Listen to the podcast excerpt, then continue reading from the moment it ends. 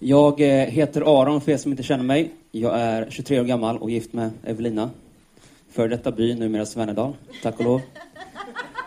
Eh, jag är född och delvis uppvuxen i Vargön.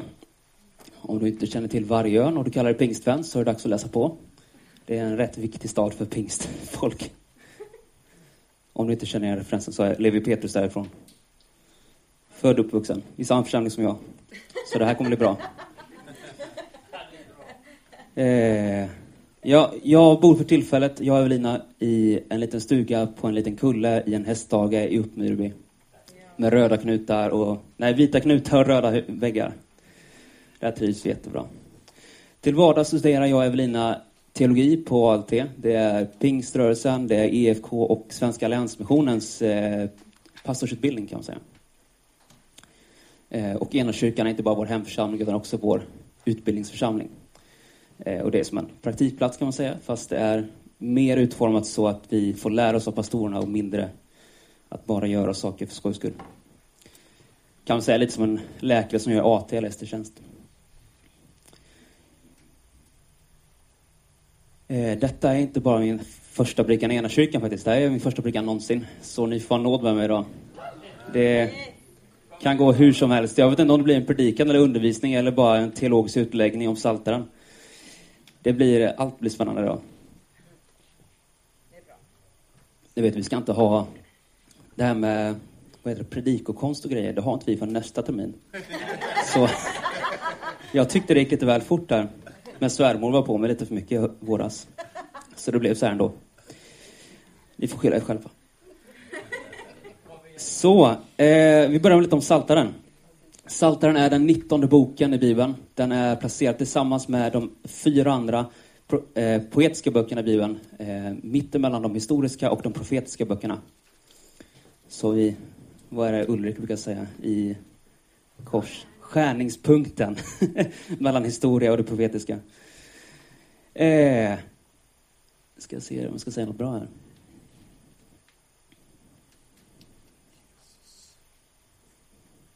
Just det. Eh, det hebreiska namnet för saltaren är Tehilim. Det kanske ni har hört någonstans tidigare. Det finns en sång där de sjunger Tehila. Och det är just saltaren på hebreiska. Då. Det betyder lovsångerna. Och saltaren är lovsångerna för det judiska folket. Eh, judarna har, precis som vi har, så har vi kommentarer på alla bibelböcker i teologi. Eh, samma sak är judarna. Det kallas midrash då, som är rabbiner som skriver om. Och de har en sån till just Saltaren också. Och där har de skrivit att Mose gav Israel de fem böckerna. Men David gav oss de fem, Saltarens fem böcker. Så det känns lite som att judarna värderar Saltaren rätt högt ändå och de likställer Mose skrifter, eller de fem Moseböckerna, med Saltaren. Det kanske finns något här att vi kanske borde lära oss i frikyrkan att Saltaren är också viktig. Jag upplever ibland att vi pratar om Saltan som att det inte riktigt är Guds ord, men det är nära på. Att det är bara en poetisk skrift som ger, visar på människors svaghet och hur vi brister. Men jag tror att det är nog mycket mer Guds ord än vi ibland pratar om det som. Det kan vara värt att tänka på. Lars-Olof Eriksson sa en gång, de olika psalmerna är laddade med teologiskt innehåll Saltaren är i hög grad en bok om Gud och om relationen mellan människa och Gud. Så det är okej okay att det är brister i den, det är okej okay att det är människor som inte tror, det är okej okay att det är lite mänskligt innehåll i den där boken. Det handlar faktiskt om hur vi kan leva vår, vår, vårt liv med Gud. Inte bara om vem Gud är. Så, Så den psalm vi ska kolla på idag är psalm 107. Det är den första salmen i den femte boken då i Saltaren. Den är placerad med tre andra salmer som handlar om Guds verk genom historien. Innan de tre så kommer psalm 104 som är den stora skapelsehymnen i Saltaren. Och sen på det så följer tre stycken salmer om Guds verk genom historien. Det är häftigt tycker jag. Vi tar och läser texten så ska ni om ni har era biblar med slå upp psalm 107. Så blir det ett långt stycke idag.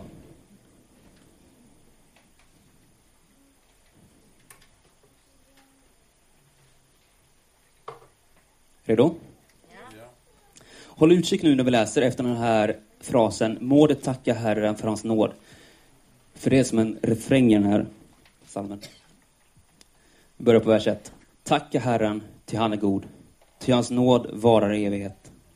Så säger Herrens återlösta, det som han har återlöst från fiendens hand. Det som han har församlat från länderna, från öster och väster, från norr och söder. De irrade omkring i öknen på öde stigar. De fann ingen plats där de kunde bo. De var hungriga och törstiga och deras liv tynade bort. Men de ropade på Herren, de ropade till Herren i sin nöd och han räddade dem ur deras trångmål. Han ledde dem på den rätta vägen så att de kom till en stad där de kunde bo. Här kommer det då. Må de tacka Herren för hans nåd, för hans underbara gärningar mot människors barn. Till han har stillade själen, själens törst och mättade själens hunger med sitt goda. Vers 2 då. Vi satt i mörker och dödsskugga, fångade i elände och järnbojor. Ty de varit upproriska mot Guds ord och föraktade den högstes råd. Han ödmjukade deras hjärtan genom lidande. De kom på fall och hade ingen hjälpare. Men de ropade till Herren i sin nöd och han frälste dem ur deras trångmål. Han för dem ut ur mörker och dödsskugga och slet sönder deras bojor. Här kommer det för andra gången. Må de tacka Herren för hans nåd, för hans underbara gärningar mot människors barn. Till han krossade kopparportar och bröt sönder järnbommar. De var dåraktiga och blev plågade för sin upprördhet och synd. De kände avsky för all mat och var nära dödens portar. Men de ropade till Herren i sin dö nöd och han frälste dem ur deras trångmål. Han sände sitt ord och botade dem och räddade dem från undergång. För tredje gången. Må de tacka Herren för hans nåd, för hans underbara gärningar mot människors barn. Må de offra lovets offer och förkunna hans verk med jubel. Det som for ut på, upp, på, ut på havet med skepp och drev handel på stora vatten. Det såg Herrens gärningar och hans under i havens djup. Han talade och en stormvind uppstod, så att havets vågor gick höga. Det for upp mot himlen och ner i djupen, så att de miste modet i sin olycka. De raglade och stapplade som druckna. Det var förbi med all deras vishet. Men de ropade till Herren i sin nöd, och han förde dem ut ur deras trångmål. Han stillade stormen och böljorna omkring dem tystnade. De gladdes över att det blivit stilla, och han förde dem till en hamn dit de ville. Må de tacka Herren för hans nåd, fjärde gången, för hans underbara gärningar mot människors barn. Må de upphöja honom i folkets församling och prisa honom där de äldste sitter. Han gjorde strömmar till en öken, källsprång till torr mark och börde mark till en salthet för dess invånares ondskas skull. Han gjorde öken till en vattenrik sjö och torrt land till källsprång. Han lät de hungriga slå sig ner och bygga en stad där de kunde bo. De besådde åkrar och planterade vingårdar som gav riklig skörd. Han välsignade dem och, blev, och de blev mycket talrika. Han lät ej deras boskap minska i antal. När de blev färre och tyngdes av förtryck, olyckor och bekymmer utgöt han förakt över furstarna och lät dem irra omkring i en ödemark utan vägar. Han upphöjde den fattiga ur eländet och förökade deras familjer och jordar. De rättrådiga ser det och gläder sig, och all ondska måste tiga. Den som är vis må lägga märke till detta och tänka på Herrens nådegärningar. Det är ett rejält stycke där.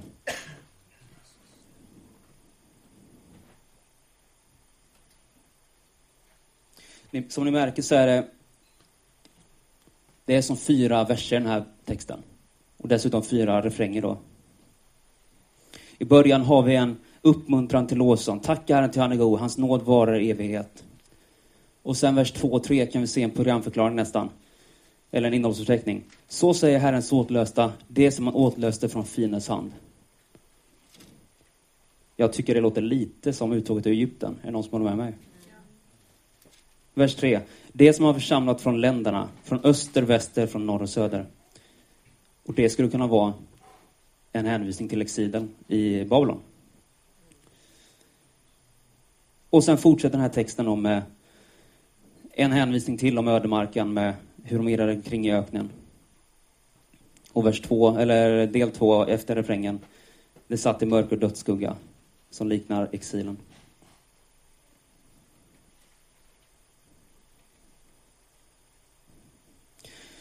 Men det salmen handlar om är Guds godhet och Guds förbundskärlek till människor.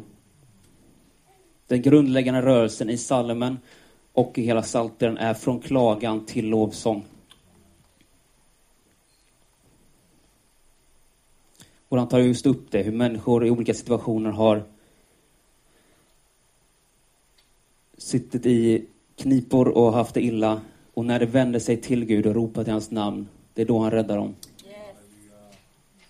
När de vänder sig till honom och lovsjunger honom, det är då det, det, är då det går väl.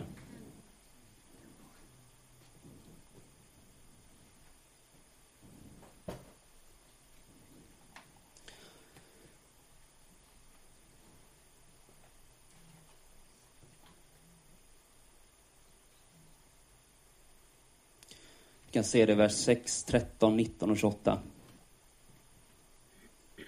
Men de ropade till Herren i sin nöd, han räddade dem ur deras trångmål.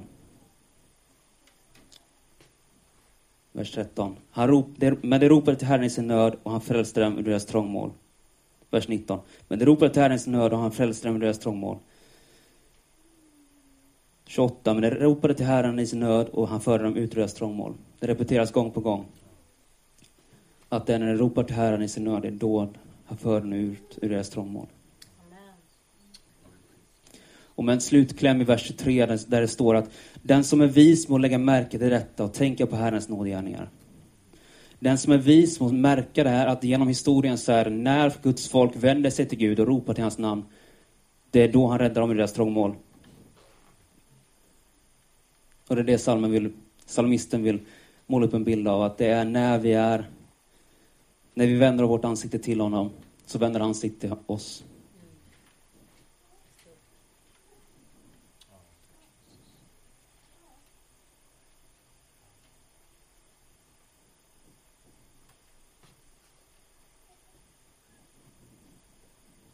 Ja, hörni.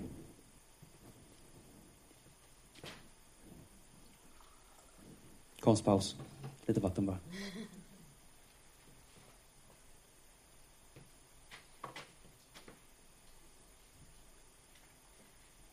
Så detta är dagens budskap. Att oavsett hur långt borta vi är från Gud, oavsett hur jobbet det kan vara och hur svårt vi kan ha det, så är det när vi ropar till Gud det är då han räddar oss.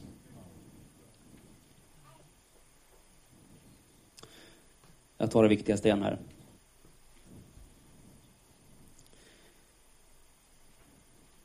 Men de ropade till Herren i sin nöd och han räddade dem ur deras trångmål.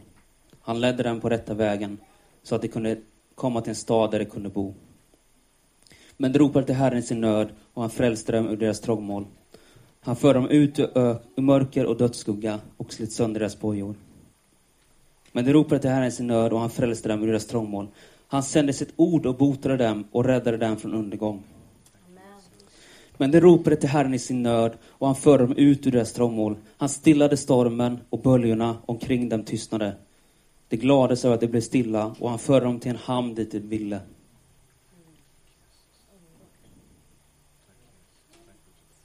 Och till sist, den som är vis må lägga märke till detta och tänka på Herrens nådegärningar. Det är när vi vänder oss till Gud som han vänder sig till oss. Jag vill bara avsluta det här med ett enkelt vittnesbörd från mitt eget liv. När jag var 13-14 år så hade jag precis börjat ta elgitarrlektioner. Jag sjöng inte en ton, inte en ren i alla fall. Eh, och hade haft ett år då i mitt liv där jag hade, kan man säga, fått en ny förälskelse till Gud. Där jag var eller varannan dag Sökte honom efter skolan när jag var hemma. Men efter det året då så kände jag bara att det här räcker inte liksom. Det måste finnas mer än det här än att bara njuta av Guds närvaro. Så då en fredagkväll på ett ungdomsmöte i Linköping så bad jag till Gud. Gud berätta för mig vad du vill med mitt liv. Det måste liksom finnas mer än detta liksom. Och den natten då hade jag en dröm när jag såg mig själv stå på en scen i en liten kyrka med en orgel på vänster sida av scenen. Står där med en mikrofon i ansiktet och en gitarr runt halsen. Och ledde den här lilla församlingen en lovsång. Jag sjöng inte en ton när jag hade den drömmen. Jag spelade knappt gitarr. Och ändå står jag här idag. Och leder lovsång i alla fall en gång i månaden. Och det jag vill säga med det här är att allt i den drömmen har inte gått uppfyllelse än. Allting jag drömde den natten var, har inte skett än. Men jag tror fortfarande att det kommer ske och jag rör mig mot det. Jag tar aktiva steg för att det ska hända. Och mitt budskap till dig är att jag tror att det finns flera stycken här som haft drömmar, har haft profetiska ord uttalade över er. Som kanske har skett delvis eller inte alls. Men jag tror att det är inte för sent för att det ska ske än. Det enda som krävs är att du vänder dig till Gud. Som psalmisten säger, ropa till Herren så ska han rädda dig ur ditt trångmål.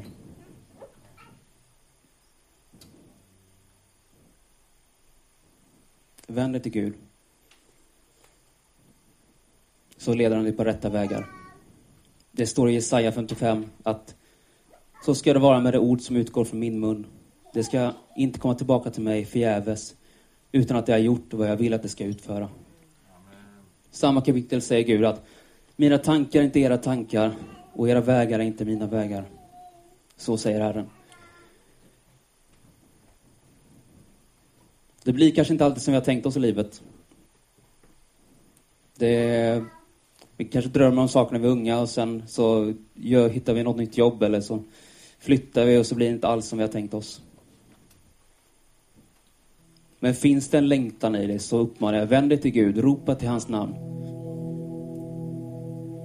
Vänd dig till honom så kommer han leda dig på rätta vägar.